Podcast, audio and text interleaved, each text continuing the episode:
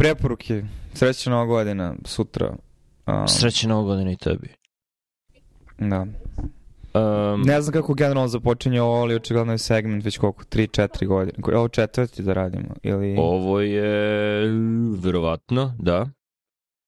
U, u, završavamo četvrtu godinu sledeće godine, vreme leti. Tako da je ovo četvrti Mhm. put da ovo radimo. I ispalo Mhm. je baš 1. januar ponedeljak, tako da će ovo izaći u ponedeljak. Sutra. Um, da, uh, ko će prvi? Ti ili ja? Ajde ti, mislim da ti već imaš nešto. Ok, već sam počeo, dobro, da, da, da. Ok, ne, nemamo kategorije, samo ćemo raditi pet stvari neizmenično. Prva stvar za mene je igra Elden Ring. Mislim da smo i pre preporučivali igre. Znači, Elden Ring je... Znaš da volim Bloodborne, koji mi je omiljena i mislim da je poslednja duža igra koju sam završio, to je bilo pre ono 5-6 godina kad sam igrao, uh, na PS4. Uh, znači, kombinacija Bloodborne i Dark Souls mehanike, gde uh, vrlo lako pogineš, treba ti dobra tehnika uh, borbe. Znači u pitanju je iz trećeg lica, iza leđa je kamera, role-playing igra, gde, gde dosta mehanike borbe zavisi od dobrog tajminga, mora da, da budeš dobar sa blokovima, sa izbjegavanjem, da predvidiš kada će neprijatelj da zamahne, ali moraš da uzmeš obzir i koje oružje imaš, koliko brzo možeš da ga koristiš, jer tajming je jako bitan i on, igra ne oprašta, jer, jer ono, ima mali broj checkpointova koji su na velikim razdaljinama i um, u, uglavnom treba, treba dosta zavisi od ponavljanja i upornosti, ali utoliko je osjećaj bolji kada, kada jednom prođeš kroz nešto što si ono danima, nedeljama, u mom slučaju za Bloodborne, mesecima pokušavao da pređeš i onda konačno pređeš. A, znači, to je jedan deo, a drugi deo je, uzeli su to i stavili u Breath of the Wild, Zelda Breath of the Wild, uh, otvoreni svet, tako da je kombinacija Dark Souls kroz Bloodborne sa jedne strane i Zelda Breath of the Wild i sada pretpostavljam Tears of the Kingdom sa druge strane, gde imaš otvoren ili poluotvoren svet sa uh, uh, brzim putovanjem između checkpointova, što nije bio slučaj u prethodnim igrama, sa skupljem materijala, craftingom, receptima uh, i, i ono, slobodnjom igrom i izborom, ok, znam da je ovaj deo mape onaj gde kada uđem to će biti Bloodborne iskustvo, ali između toga imaš uh, otvorene delove. Sa zanimljivim svetom koji je nov, uh, ko- koji nije ono po 30 puta ponovljeni, ne znam, Middle, Middle Earth i, drugi poznati svetovi, koji je ovaj, kako se zove, R.R. Martin je radio sa njima na, na razvijanju mitologije i, i sveta. Aha, Da, a znao. ima i multiplayer, znači ja ne igram mu- multiplayer igre nikada, znači nisam ni, ni u vreme Counter-Strike je bio popularan kad sam bio u srednjoj školi, nikad nisam to volao. Nije Counter-Strike, nego Counter. kan, kan, da, da. Toliko o tome. O, vidiš koliko sam igrao. Uh, ali uh, Elden Ring kao i ovo Dark Souls i Bloodborne ima multiplayer komponentu koja je prvo zanimljivo, možeš da ostavljaš poruke drugim igračima, ali ne možeš da kucaš tekst ona free form, nego biraš iz seta reči. Tako da si jako ograničen u vrsti poruke koju možeš da ostaviš i naravno kada čitaš nečiju poruku ne znaš da li te laže ili ne, tako da je to, to je zanimljivo, to je ono kao easter egg, ne moraš uopšte da čitaš te poruke, mada neki put mogu da budu stvarno korisne. Kada kažu pazi se zamka ili uh, ovde vredan, vredan item, vredna stvar je iza ovih vrata ili, ili boss je iza ovih vrata ili kako god. Znači to je jedna stvar, a druga stvar je možeš da zoveš ljude u pomoć. Kada dođeš do nekog teškog trenutka, možeš da one koji su se ostavili otvorenim za prizivanje, možeš da ih prizoveš u svoj svet i možete zajedno da radite kao mini multiplayer, u pitanju anonimni igrač sa kojima nemaš nikakvu drugu komunikaciju osim nekih gestikulacija i, i to je zanimljivo. A isto tako možeš i da, i to je Bloodborne prvi počet, čini mi se, možeš da upadneš kao intruder u, u tuđi svet i da, da probaš njih da ubiješ i tako pokupiš njihove ajdame i kako god. Ali to je sve potpuno opcijno, možeš da isključiš, nije ti uopšte potrebno za, za uživanje u igri i e, u pitanju igra u koju lako možeš da, da uložiš 100 plus sati da bi, da bi, samo da bi prešao, a, a kamoli da, da istražiš sve i da uradiš sve što može da se uradi. Tako da mi je to jedna od stvari za, za penziju. Kada, kada, kada budemo otišli u penziju, to je prvo na listi. Da, kad smo kod igara u koje možeš ili u koje su neki od nas uložili više od 100 sati, jer sam skoro gledao svoj Steam um, račun, nalog, um, HUD, Hades, um, da, jako, jako zarazna igra i to, mislim, igre srednjih ili velikih izdavača koji nađu način da integrišu neke aspekte RPG lupa u sebe koji nije apsolutno ono dopaminski šok gde te isprazne ala Candy Crush i tako ta srednja. Izvini na jeziku, možda da isečeš. Um, su one koje stvari ostaneš da pamtiš i gde, gde, gde postoji više mehanika koje su na vešt način integrisane jedna od drugu, gde se međusobno nadopunjuju i zato isto razmišljamo o Zelda i Breath of the Wild koja jako dobro radi to, gde igrač ima na nekom nivou iluziju slobodne volje, zato što postoji ograničen broj stvari koje možeš da radiš u samoj igri uh, i jako pametan dizajn nivoa koji opet ono istorijski vuče verovatno koren još iz ono kako je Half-Life i generalno Valve i ono Portal dizajnirao nivoe, gomila playthroughova pre izbacivanja igre da bi skapirali kako igrači donose odluke, mislim i to se vidi u Zelda, to se vidi u drugim igrama, tako da kroz to jednostavno stekneš utisak nekog relativno prirodnijeg sveta, gde stvari koje ti privuku pažnju su stvari koje ti deluju bitne, ali nije slučajno što ti te stvari privuku pažnju, ali onda kada uđeš u te lupove, onda je jako zadovoljavajuće kada rešiš taj problem i onda igre koje vešto integrišu različite mehanike rešavanja problema su one koje onda ovaj, možeš da eto, uložiš dosta vremena, a da ne osjetiš ni da je kao izgubljeno vreme, niti kao da si bio uh, previše ono mentalno ispražnjen, zato što si ono jurcao taj neki dopaminski kik. Um, Had je slično po tome, um, igra je u principu i opet vezano za sam RPG loop, ono rogue style, znači rogue igre su igre slične Diablu, gde imaš, igraš jedan playthrough, znači da treba da prođeš kroz određeni broj nivoa, u nekim igrama se nivoi generišu znači nasumično, u drugima postoji definisana stvar, ali poenta je da kad umreš jednom, onda si umro, ali u svakom playthrough dobijaš nove stvari, možeš da razviješ iteme, tako da na nekom nivou se leveluješ, iako tvoj igrač je dalje sličan. Slično i ovdje imaš više mehanika levelovanja, ali igre, znači ti si Had of Sin, koji počinju Hadu i želi da pobegne iz Hada zato što zna da je njegova majka van Hada i onda ovaj, kroz svak ima četiri glavna nivoa sa gomilom podnivoa. Um, imaš različito oružje s kojima pristupaš um, borbi kroz te nivoe i samim tim sa različitim oružjima imaš različite taktike, različite strategije, a pritom veliki deo igre su bunovi, a, znači poboljšanja koje dobijaš od božanstva sa Olimpa i onda svaki od njih ti utiče na to kakvu mehaniku i kakav playstyle znači kakav ćeš način um, da igraš, tako da ima mnogo različitih načina. Na nekom nivou možda posmatraš kao na deck building igru, u smislu svaki bun je kao randomna karta, nasumična karta koju izvučeš i onda na osnovu toga imaš ograničen broj odluka koju moraš da doneseš i onda gradiš svoj praviš svoj build kroz, znači, kroz igru i onda pokušaš da provališ koja je najefektivnija moguća strategija i drugo, različiti neprijatelji imaju različite načine, znači neki su range, neki su melee, tako da a, postoji mnogo načina koje možeš da rešiš te probleme i ono što je cool opet mnogo mehanika na koje možda leveluješ oružja, leveluješ sebe, um, ono, brže se krećeš, imaš neke dodatne stvari, tako da um, jako je zanimljivo i drugo, kad prvi put pređeš i na kraju dođeš do podslednjeg nivoja i pobediš hada, shvatiš da je to tek početak u stvari, jer onda tek počinju da se otvaraju stvari i onda polako počinješ onda da leveluješ i neprijatelje, zato što si počeo da provaljuješ njihove obrazce kretanja i tako dalje. Tako da stalno možeš da ono tiltuješ da uvek budeš na toj ono, kako se kaže, ono, um, edge of proximal development ili kako već, o, znači da si stalno u toj zoni, zone of proximal development, znači da si stalno u, u toj zoni gde uvek imaš malo, dovoljno izazova da ti nije dosadno, a um, da opet nije previše teško da osjetiš kao da si zaglavljen.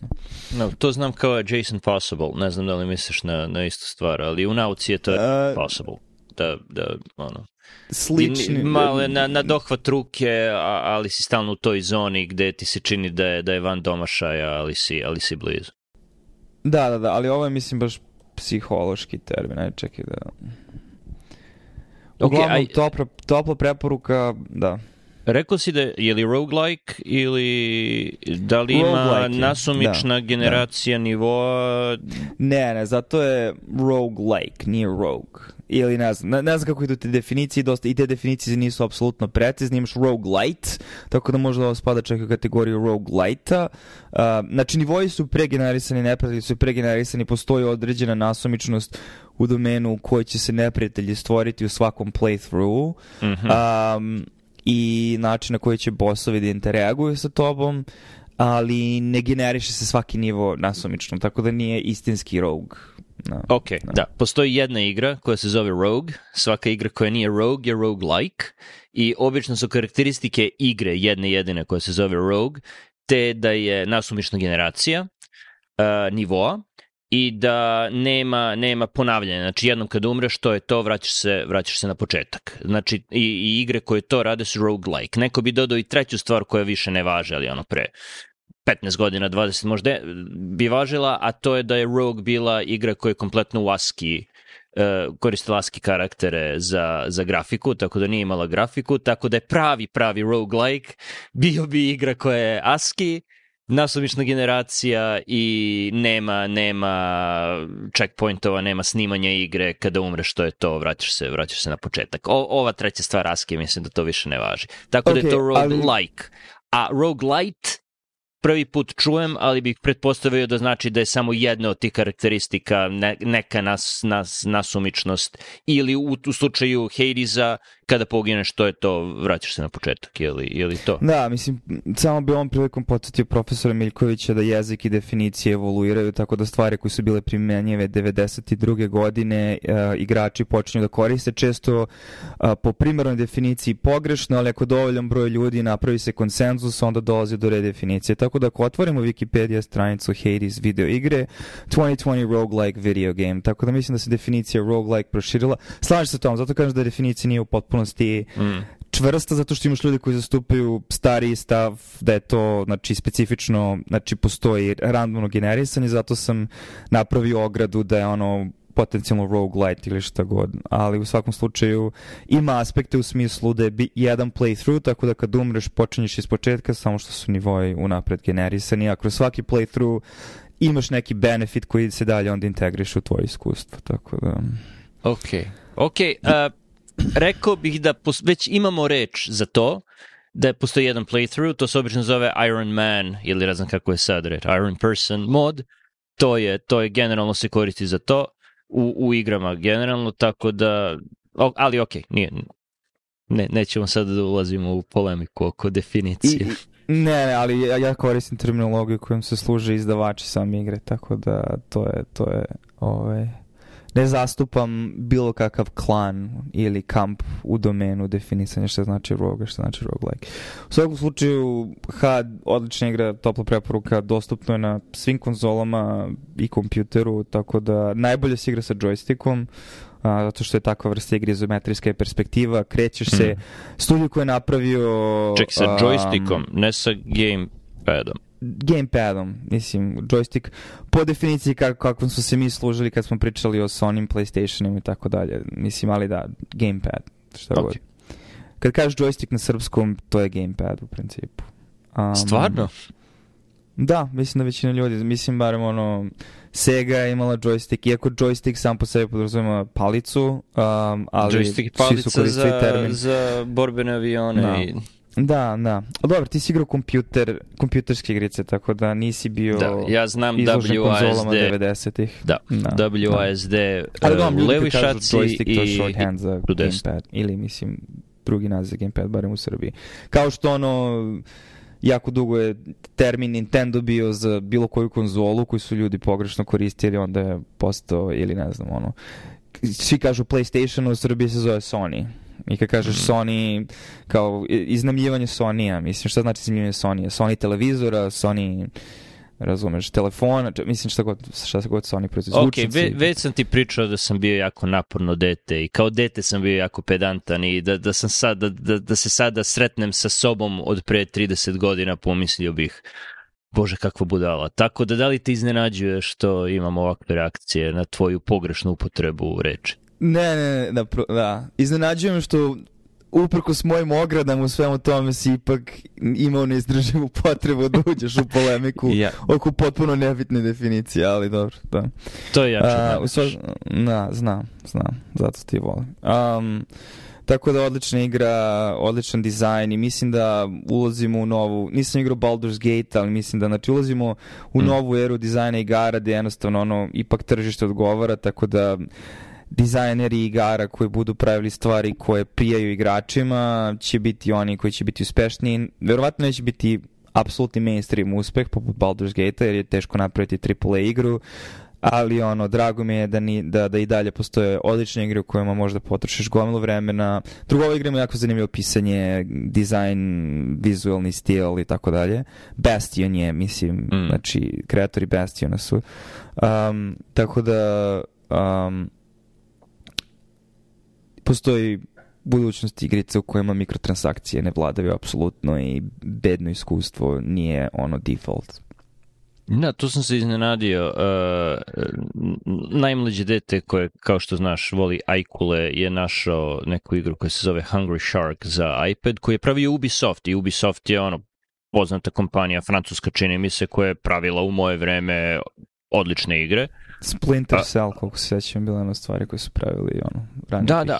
I sa, sada postoji ta igra Hungry Shark gde sve je ono mašina za generisanje para njihova, jer ono gomila je kao da si u nekom uh, ono kineskom kazinu gomila onih uh, rasprodaja, kupite 10.000 novčića za samo 9,99, najpovoljnije je da za 100 dolara kupiš 100.000 novčića, znači sve, sve je u tom smeru. Možeš nekako da pronađeš pravu igru koja je sasvim ok iza svega toga, ti si ajkula koja jede sve pred sobom, uključujući i plivače uh, i brodove i ako si dovoljno veliki možeš da pojedeš celo ostrovo A, mislim, zanimljiv je koncept, ali, ali uh, sve je ono kazino, kazino varijanta, što više glasnih uh, zvukova i šćaštećih znakova da, da kupiš još dijamanata, novčića i različitih stvari za upgrade da bi došao do novih hajkula koje možeš i, do kojih možeš da dođeš i normalnom igrom, ali je to naravno sporije sa reklamama između, bla, bla, bla.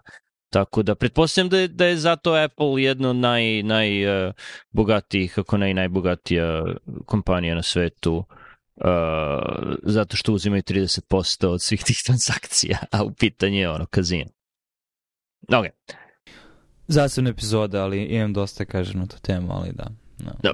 Kako se te valute koristi sve to. No. Uh, moja druga preporuka su, na, nastavit ćemo sa, sa digitalnom tematikom za sada su nekoliko uh, AI alata koje koristim, dva tačnije. Uh, jedan koji sam već ono pola godine, više od pola godine koristio svake nedelje da bih pravio grafiku za, za podcast, to je Mid Journey.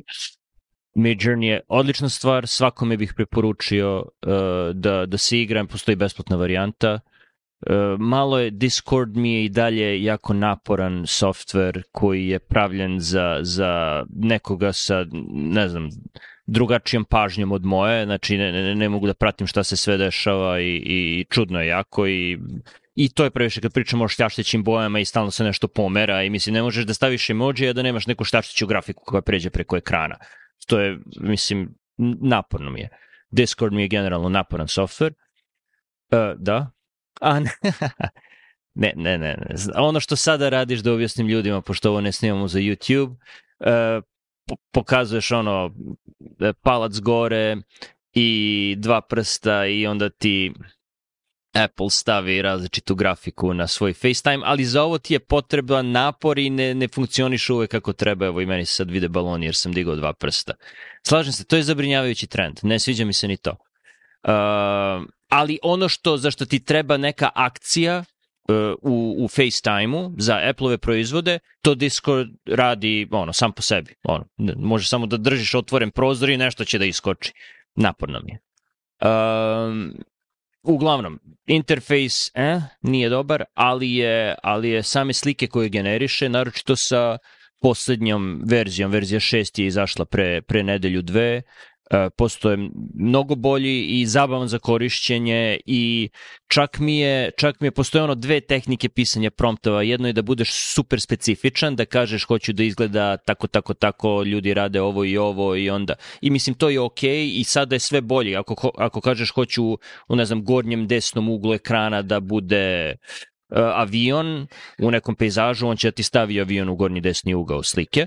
To pre nije mogao. Znači, to je dobro, ali je još zanimljivije kada daš neki abstraktni pojam i kad hoćeš da vidiš šta kompjuter misli o tom abstraktnom pojmu. I, i to zahteva više ponavljanja, jer je ono potpuno je nasumično šta šta će da ti pokaže, ali je ali isto zanimljivo i, i čak i da nije, čak i da ga ne koristim u, u nekoj funkciji pravljenja grafika za, za svaku epizodu, uh, mislim da bih mogao dosta vremena da provedem samo igrajući se sa tim, sa tim promptovima.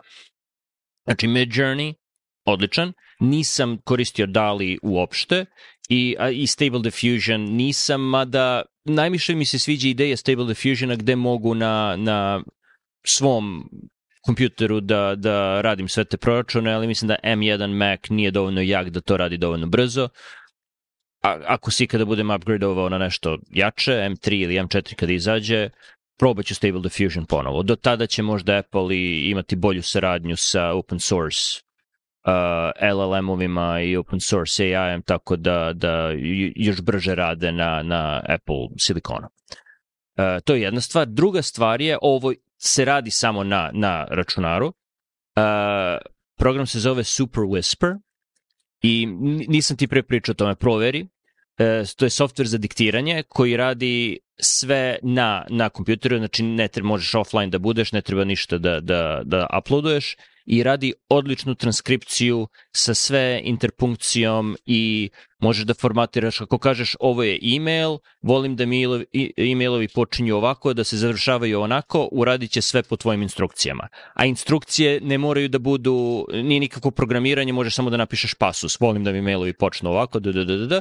i on to ubaci u, u svoju LLM mašinu i onda ti i uradi transkripciju i formatira onako kako hoćeš postoji ona funkcija korisni interpunkciju samo kad ja kažem, znači možeš da kažeš svaku tačku zare znak pitanja, ali probao sam bez toga, samo sa intonacijom i sa ono, smislom rečenice i to radi odlično i može da ne znam da li će da uštedi vreme, ali će ti uštediti zglobove za, kad ono, kucaš dugačke mailove.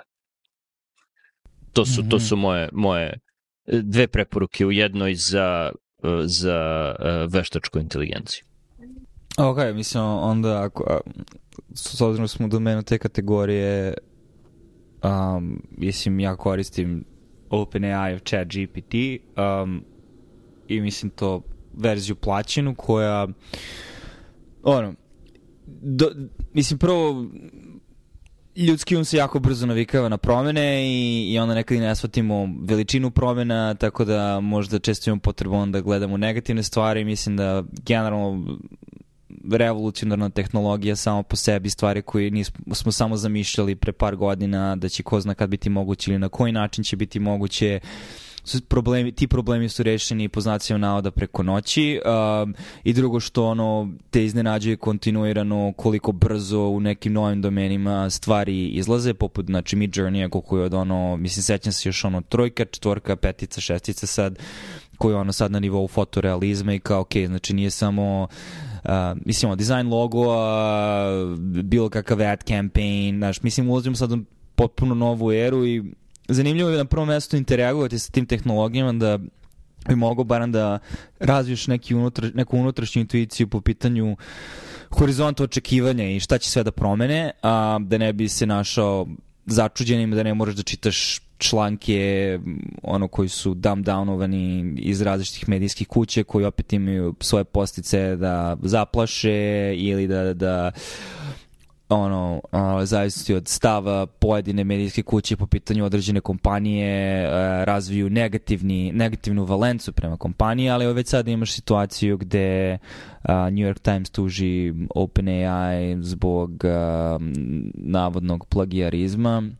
Zanimljivo bi bilo šta se dešava kada dekani univerziteta su plagijatori i koliko smo kritični po pitanju toga. Um, ono, side notes, ali um, vrlo novi svet i, i, i sve ove tehnologije de facto su već promenile svet. Duolingo je otpustio gomilu ljudi um, i ono pre, prebacio je prevođenje stvari na AI, znači to je ono već se vidi, tako da prevod, um, editing teksta, uh, bazična interakcija, znači promenit će se, bit će ono, ekvivalent promene sa konja na kola, bit će tako, znači gomila profesija će opstati, ali će morati da evoluiraju, mnogo manje će ljudi biti neophodno da, da radi te stvari, tako da ono, jedan grafički dizajner će moći da radi posao stotino grafičkih dizajnera s obzirom na količinu outputa. Samo je sad pitanje uh, ono, čemu su i trenirani ti modeli i da ne ulazim sad ove druge epizode podcasta našu budućnosti, šta znači kada GPT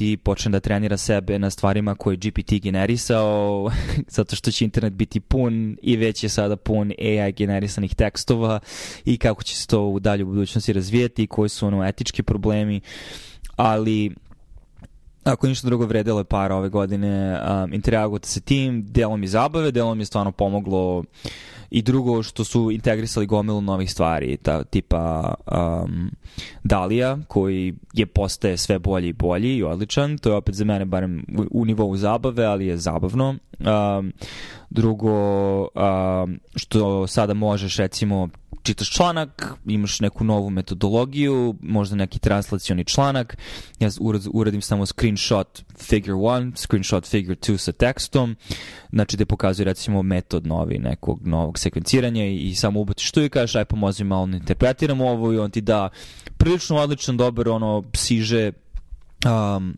svake od pojedinih stvari, vjerojatno što je trenira na ono, hiljadama i naučnih radova između ostalog, tako da imaš barem neki početni osjećaj i onda možeš dalje da čitaš specifične radove.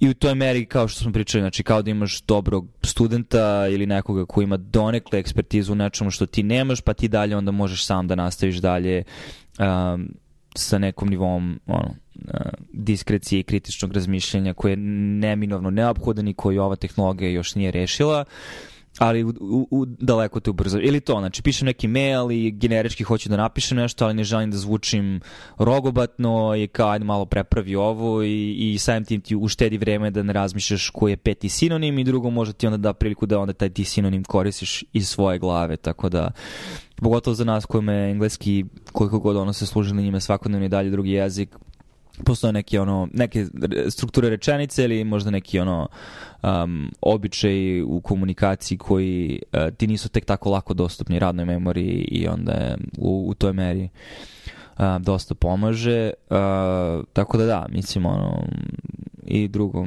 mislim da uh, gomila poslova u Srbiji trenutno, kako vidim, koji su outsourcovanje stvari odavde. Uh, ljudi bi možda u Srbiji trebalo da naprave kalkulaciju da li mogu da plate 2000 dolara, 2000 dinara mesečno da bi imali pristup ove tehnologiji koji će omogućiti da prevode tekstove sa srpskog na engleski, da sa vrlo velikim stepenom tačnosti, da generišu gomilu BS stvari za koje može ti poslovi u Srbiji postoje jer velike kompanije ili manje kompanije outsourcuju to u, u, u ostale zemlje sveta.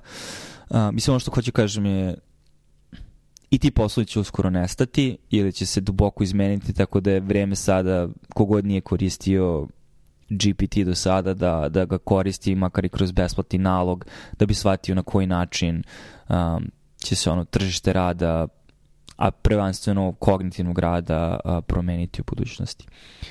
Tako da, u svakom slučaju, barem interagujte sa GPT-em ako niste do sada ili sa nekom AI tehnologijom, zato što uh, ono, sledeće godine će stvari biti mnogo drugačije nego samo što je ove bilo. Te da kažem, volao bih da, da sam ušao u ovaj chat GPT na vreme, još uvijek je zatvoren upis novih za GPT-4, tako da, da ono, nemam pristup, ali Bard je sasvim ok i Bing je ok, ovaj Microsoftu koji ako imaš Edge browser možeš da, da, da ga koristiš, tako da su svi oni, mislim da su na nivou GPT-a 3.5, Uh, GPT-4 je i dalje najbolji, ali je nedostupan osim ako nisi pre, ne znam, 2-3 meseca je bio valjda poslednji voz da, da postaneš pretplatnik za koliko? 20 dolara mesečno? Tako, tako nešto. Da, da. da. I vredi, kažeš. Da. Mislim, meni ono, znači, da u poređenju sa količina truda i vremena koje generalno smara, po, za poslove koje smara um, tvoj mozak da radiš, te stvari uštediti. Tako da ono, hoću kaži, i gomila ovih appova, recimo ovaj Whisper je isto OpenAI protokol, tako da nije slučajno može što se ovo zove uh, Super Whisper, ne verujem da su bazirane na tome, ali ono OpenAI svaki put kad izbacio neki novi feature u okviru GPT-a ubio gomilu uh, novih startupova koji su ono prethodnih godina dve dana koristili OpenAI ono um, API za pristup njihovom LLM-u, uh, tako da neće mi zanaditi ako nekoj nove verziji a diktiranje ne bude deo toga, pošto sad možeš da uploaduješ dokumente, da mu tražiš analizu i imaš dali vezanu samo, to se u poslednjih par meseci, tako da, ali opet, ovaj, Biće zanimljivo kako će se ovo sve odigrati, jer regulatorne agencije će ući sve ovo i ko zna kako će ovo sve izgledati sledeće godine. Uh, misliš da će? Znam da su regulatorne agencije u Evropi ušle u ovo i oni se hva, hvale time kao da, da, mi tako tako smo na, na frontu, na, na ne znam, neistraženim prostranstvima veštačke inteligencije tako što ćemo biti prvi koji će da je regulišu, kao da je to nešto čime treba da se hvale. Dok ovde mislim da neće ići tako lako jer ima suviše suprostavljenih strana da, da tako ne. lako prođe kroz kongres kao, kao regulativa.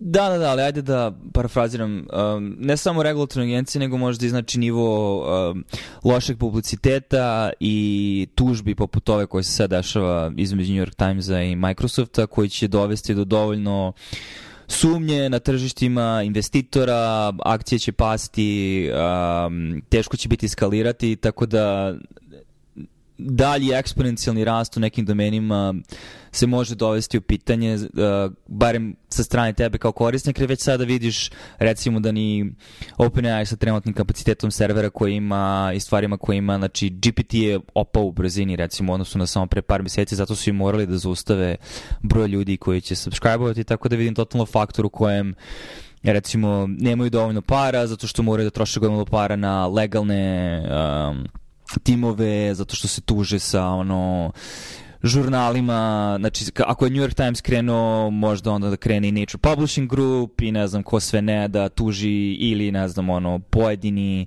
um, umetnici da se skupe u, i onda da tuže za sve ove generisanje slika zato što su tren, trening je bio na tome. Tako ću kažem može da dosta uspori sve to ne, ne, ne, ne, mislim ono cat is out of the bag ono ili kako već znači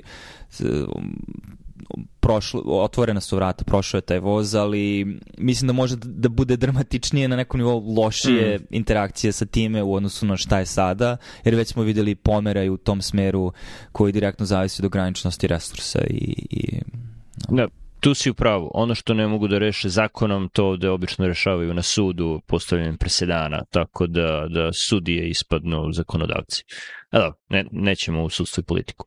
Treća stvar, moja, prebacujemo se sa digitalnog na poludigitalno, a to je e, tastatura. Ne znam da li sam pričao o tome, ali e, sad sam prebacivao neke stvari sa posla nazad kući i ponovo imam kod kuće e, tastaturu koja je Kinesis Gaming tastatura, znaš na koju mislim, ona koja je uh, Edge, da, da, imam. Edge koja je, i ti imaš tu, da, da. koja je podeljena na dva, ima uh, MX Blue tastere, koji su, koji su ono kliki tasteri koji imaju tako... imaš red, blue i brown, ja mislim možda i silver. Ima red, blue, da. brown no. i silver. Da, no. da, moja varijanta no. je blue.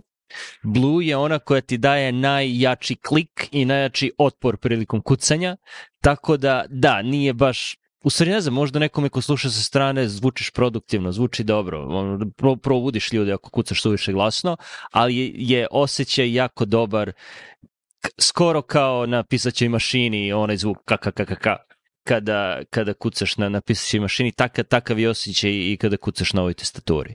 Uh, to je najbitnija stvar tu, ali ima i ostale druge dobre karakteristike, to što je podeljena na, na dva dela, imaš dve polovine, tako da može da je staviš pod ugao, tako da je ergonomski jako dobra. Znači, tako uzmeš onaj dodatak koji će da izdigne malo te dve polovine iznad stola, tako da je pod, pod dobrim ergonomskim uglom i što je savršeno podesiva za razliku od uh, Microsoft Sculpt ergonomske tastature, koja je jedna od boljih, ali ima fiksni ugao između dve polovine, tako da da nije toliko uh, nije toliko podesiva ili ugao nije uopšte podesiv. Ovde imaš savršenu kontrolu i lako pomeraš ako hoćeš na primjer da imaš hoboniči između dve polovine tastature, ima ima do, dosta prostora da staviš stvari između, a i dalje da koristiš uh, i dalje da koristiš ono fiziološki, ergonomski. Treća dobra stvar je i ne znam da li si uopšte radio na tome, ali programiranje. Da, znači, na da. stranu što ima da. boje i to je ono ge, tipično gaming, možeš različite grupe tastera da obojiš različitim bojama, ako ti ono u svojoj mračnoj jazbini gde igraš kanter, uh, da, da vidiš koji su ti, koje grupe tastera možeš da obeležiš različitim bojama. Imaš, imaš makro Uh, imaš više, ne znam, osam makro tastera i možeš da, da rekonfigurišeš tastere, da, da ra, ra, rade različite stvari i sve te konfiguracije možeš da menjaš tako da može da imaš ono 5-6 različitih konfiguracija u zavisnosti od toga šta, šta radiš. Što je, da. što radio sam malo na tome kad sam je prvo dobio, ali opet, kad, to je jedna od stvari koje ću raditi u penziji, kada mi to više ne bude bilo potrebno da, da je konfigurišem još malo, pošto nema ništa bolje nego, nego trošiti vreme na to. Pa da, to je ono sad opet onaj moment, uvijek mi pa na pamet ono XKCD, ono, da li vredi nešto automatizovati, jer koliko puta ćeš ponoviti taj zadatak i koliko vremena taj zadatak troši i koliko vremena je neophodno da bi automatizovao taj zadatak i onda imaš ono zlatnu sredinu gde ako ćeš da provedeš cijelo popodne da bi automatizovao nešto za što ćeš generalno potrošiti manje od celog popodneva u toku života ponavljajući tu radnju iznova i iznova, možda ne treba to automatizovati. Um, ali definitivno da imaju stvari. Meni barem pogotovo što su ti tasteri sa leve strane, u startu sam ih dosta stvari dodao zato što sam levoruk i ono, a, koordinacija malog prsta leve ruke mi je mnogo bolja, tako da tu mi je enter, tu mi je delete, tu su mi double brackets, tu su mi plus minus, još neki tako znaci koje su ono još, još prošle godine um, ubacio, ali nisam se previše igrao sa daljim ono programiranjem, ali opet posle te interakcije između onog, ono stvari možda uriš u keyboard maestru i onda sad u kom nivou ćeš raditi digitalnu makroizaciju versus uh, fizičke makroizacije i drugo, ti koristiš tu tastaturu kod kuće, ali šta se desi kad odeš na posao da nemaš tu tastaturu i onda možda je bolje da imaš digitalnu makroizaciju za stvari jer ćeš koristiti neku drugu tastaturu na poslu. To je, i ne samo to, nego preko si Keyboard Master, možeš da imaš više različitih programa da urade istu stvar. Možeš nešto što možeš u Keyboard Masteru da uradiš, možda nešto toga možeš u Mumu, koji je na Macu program za ono, pomeranje prozora, možda možeš i u Alfredu, koji je program tipa Quicksilvera, koji je zamena za Spotlight, Uh, tako da i to je stvar izbora i ono što je najgore, a što se desi je da radiš različite stvari u različitim aplikacijama jer ti je ono tako došlo i onda mora da razmišljaš ok, da li sam ovaj makro radio na tastaturi ili u Alfredu ili u Keyboard Maestru, šta, šta, šta se beše ovde dešava. Ili ovaj karabiner koji je on, još još niži nivo menjanja stvari na tastaturi, tako da može čovjek lako da se zaplete i, i Ne, ja imam zagubi. svoju karabiner, karabiner konfiguraciju i JSON file je identičan na mom kućnom kompjuteru i na mom uh, kompjuteru za posao, zato što sada ne mogu uh, caps lock mi je, mislim, ono, power key, tako da, ono, i, i to je toliko sad urezano u moju, moju memoriju da, ono, ako radim caps lock, JKIL, da su to strelice i u toku pisanja, ako nemam to, jako je frustrirajuće kad stisneš caps lock i stisneš J i dobiješ capital J umesto dobiješ da se strelica vrati jedan nazad ili, znaš, ili ne znam, caps lock option J je da se vratiš reč po reč. Tako da mislim, godina stvari, pogotovo u toku pisanja, daleko možeš da uštediš vreme. Da, Karabiner je besplatna aplikacija koja um, je za Mac, koja u sebi ti daje mogućnost da uh, reprogramiraš šta rade tasteri na tastaturi i ima gomila predefinisanih konfiguracija koje možeš samo da downloaduješ i, i da on, ubrzaš vreme rada na tastaturi, da tako kažem. Uh, da, ne, ne, ne, nije mi posla na pamet šta ono tačno u, u domenu uh, digitalno uh, analognog sistema uh, mislim možda preporuka je uh, ono preporuka nekog koji je sada u 30. godinama da dosta tih stvari deluje kao velika ušteda vremena i te kako može da bude, ali da treba da postoji neki zreli odnos uh, strpljenja i ono da, barem kod mene, to nije onda tendencija odlaska u tinkerovanje, gde onda provedeš, ne znam, sat vremena pokušavajući da napraviš konfiguraciju koja ti možda nije apsolutno neophodna u tom trenutku, tako da ako imaš drugo preporuka je, ako se javi taj impuls, barem stvar koju sam počeo da ono, kapiram i da razumem i da praktikujem je to da se zaustavim na 2-3 sekunde i zapitam koliko mi je ovo neophodno sada i da li se ovaj impuls javio zbog trenutne frustracije, zbog nečeg drugoga, vezanim za ovo na čemu radim i ovo mi se deluje kao dobro utrošeno vreme koje će mi dati neki osjećaj zadovoljstva i dodatnog reda uh, i da li vredi da uložim sada vreme u to umesto da samo malo se bolje fokusiram i da probam da reframeujem problem u kojem sam trenutno zaglavljen da ne bi tražio rešenje u nečemu drugom. Uh, i onda u domenu tih analognih rešenja indeks kartice su pomogle dosta u, u, u um, razvijanju zdravijeg stava prema svemu tome, zato što su apsolutno analogne, apsolutno potrošne, apsolutno a, zahtevaju određeni nivo vremena i pažnje, koji onda mislim da ima ono čekodan efekat na ostale stvari, jer kada si u modu da usporiš dovoljno svoje misli, da sedneš i napišeš nešto na papiru, makar to bilo dve, tri reči, mnogo onda pažljivije pristupaš stvarima a, i u digitalnom svetu, iako ono digitalni svet često ima ono zadršku od, ono, u, u domenu milisekundi. Um, tako da, barem što se meni tiče analognih preporuka, neki nivo korišćenja nekog analognog sistema pisanja u ovom digitalnom svetu prepunom, kao što si rekao, eksplozivnih sadržaja koji se non stop javljaju je ono nešto poput sidra koje te on onda usidruje u, u, u neki ono staloženi um, staloženije stanje svesti koje ti onda dozvoljava da pristupaš i ostalim stvarima zdravije i ono, kritič, kritičnije. Ok. Moje četvrto i peto biće potpuno analogni. Uh, četvrto je, ako pričali smo, imali smo celu epizodu o toj knjizi, ali reći ako je neko propustio, I see Satan fall like lightning. To bi bila moja preporuka za knjigu ove godine, definitivno. Da, da I, i dalje, to, to mi je knjiga godine, uh, kratka je za razliku od moje knjige godine prošle godine, GEB koji je imao ono 1200 strana, nema 1200, ali ima, ima puno strana. Ovo je koliko stotinak, 150 strana. Znači kratka knjiga, lako se čita, uh, prednost je što je Francus pisao, a ne Nemac. Uh, koja, koja otvara oči na više različitih frontova i što se tiče ponašanja društva, što se tiče ponašanja ljudi uh, bliskih tebi i što se tiče sobstvenog ponašanja vidiš stvari iz, iz drugog ugla. E, i, I daje ti e, do, dobra je početna tačka za dalje čitanje dalje literature. To je uvek dobro kada završiš čitanje jedne knjige i imaš ono spisak, još ok, hoću još 5-10 knjiga da, da pročitam nakon ovoga. To je uvek dobro. Ne, neću da, da dalje da, da širim priču jer smo već pričali o knjizi skoro sat, tako da I see Satan fall like lightning, autor je Rene Girard. I sada kad da. sam ti ukrao, kada sam ti ukrao četvrti prelog, šta, šta, šta ne, ti imaš nisi, kao broj četiri? Nisi, nisi, pretpostavio sam da ćeš ti to reći, iskreno čak sam se malo i nadao, jer mi onda to svedoči o tome prvo koliko te poznajem, a drugo koliko smo ove godine imali neki slični pomeraj u domenu percipiranja stvarnosti, a, koji mislim da je dovoljno osetan da nije samo evolucija, mislim revolucija je prejaka reč, ali definitivno značajan pomeraj u, u načinu na koji...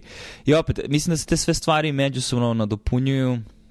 Ne znam da sam prošle godine preporučio gospodara Prstenova, um, ali ove godine ono je to kompletirano i um, pogotovo kada počneš da razumeš kontekst i vreme u trenutku, znači čitali smo stvari, stvari sa kraja 19. veka, ono, vrhunac moderne misli, vrhunac nauke, drugo i ti ja kao ljudi koji se bave naukom, mislim da ne, neku ruku smo malo svesni u odnosu na ljude koji se ne bave naukom, ograničenja nauke i naučnog metode i zašto taj naučni metod služi i, i na koje pitanje može da odgovori, a na koje pitanje nam trebaju neki drugi načini um, interakcije ili kako da kažeš, ono, razumevanje stvarnosti a, da bi Znaš, na, nauka ti neće dati odgovor na to šta znači dobra osoba. Nauka ti može dati, ti, mi, ti ćeš možda generišeš pitanje različite vrste, ali nauka će dati ono striktno materijalni odgovor naučnim metodom, a ti onda dalje koristiš sisteme vrednosti koje ono treba da razviješ na druge načine. Um, šta to znači, kako se to upotpunjuje ljudsko znanje. Mislim, ono, ne, znaš, nauka ne postoji u vakumu i da ne ulazimo, ovo može bude totalno druga diskusija, ali samo najbolji primjer, mislim, ono, ilustrativan primjer je, mislim, pričao sam ono, znači, follow the science, znači ti možda follow, pratiš nauku, da ono, eutanaziraš najveći broj ljudi za najkraće moguće vreme, nauka ti može dati odgovor na to pitanje, pitanje koje to postoji su ljudi i mislim i Drugo da je ne, neminovno mi ugrađujemo naš sistem vrednosti, znaš, postoji razlog zašto se više para i više, više grantova postoji za istraživanje u domenu medicine nego u geologiji, zato što nam je kao ljudima više stalo do ljudi nego do kamenja na planeti, iako i jedno i drugo verujemo da ima određenu vrednost i ka jednom i ka drugome postoje ono afiniteti pojedinaca da istražuju to, opet mnogo više se ljudi bavi jednom stvari nego drugom stvari i to hteli i ne hteli da razmišljamo o tome, de facto je vrednostni sud. Govorimo o tome do čega nam je stalo. Um, ali gospodar prstano kao nešto što u sekularnom svetu mislim da pokušava da povrati um, i pod, pod, povuče bitnost um, stvari koje nisu striktno materijalne, nego stvari koje um, postoje um, kao entiteti ili princip, principalnost ili kako već um, koje vučemo, mislim, od početka naše vrste i potreba da se taj neki nivo pogleda na svet spasi, uh, uh, jer neminovno mit i mitologija su stvari koje nas vode kao društvo, samo je pitanje da li taj mit ideologija koja ti kaže da se svet sastoji iz ono uh, klasa koja presiruje jednu drugu kroz istoriju ili rasa koja presiruje jednu drugu kroz istoriju ili šta god, ali sve su to mitovi koje mi pričamo, ali onda ti mitovi oblikuju naše sisteme vrednosti, utiču na naše ponašanje, utiču na to kako tretiramo sebe i druge ljudi, onda stvaraju nove svetove koje na kraju budu i materijalni i drugo imaju objektivne posledice u domenu kako ljudi sebe doživljavaju, njihovog unutrašnjeg emotivnog života, generalno duha, koji su rituali, koji su okruženi svime time, ali uglavnom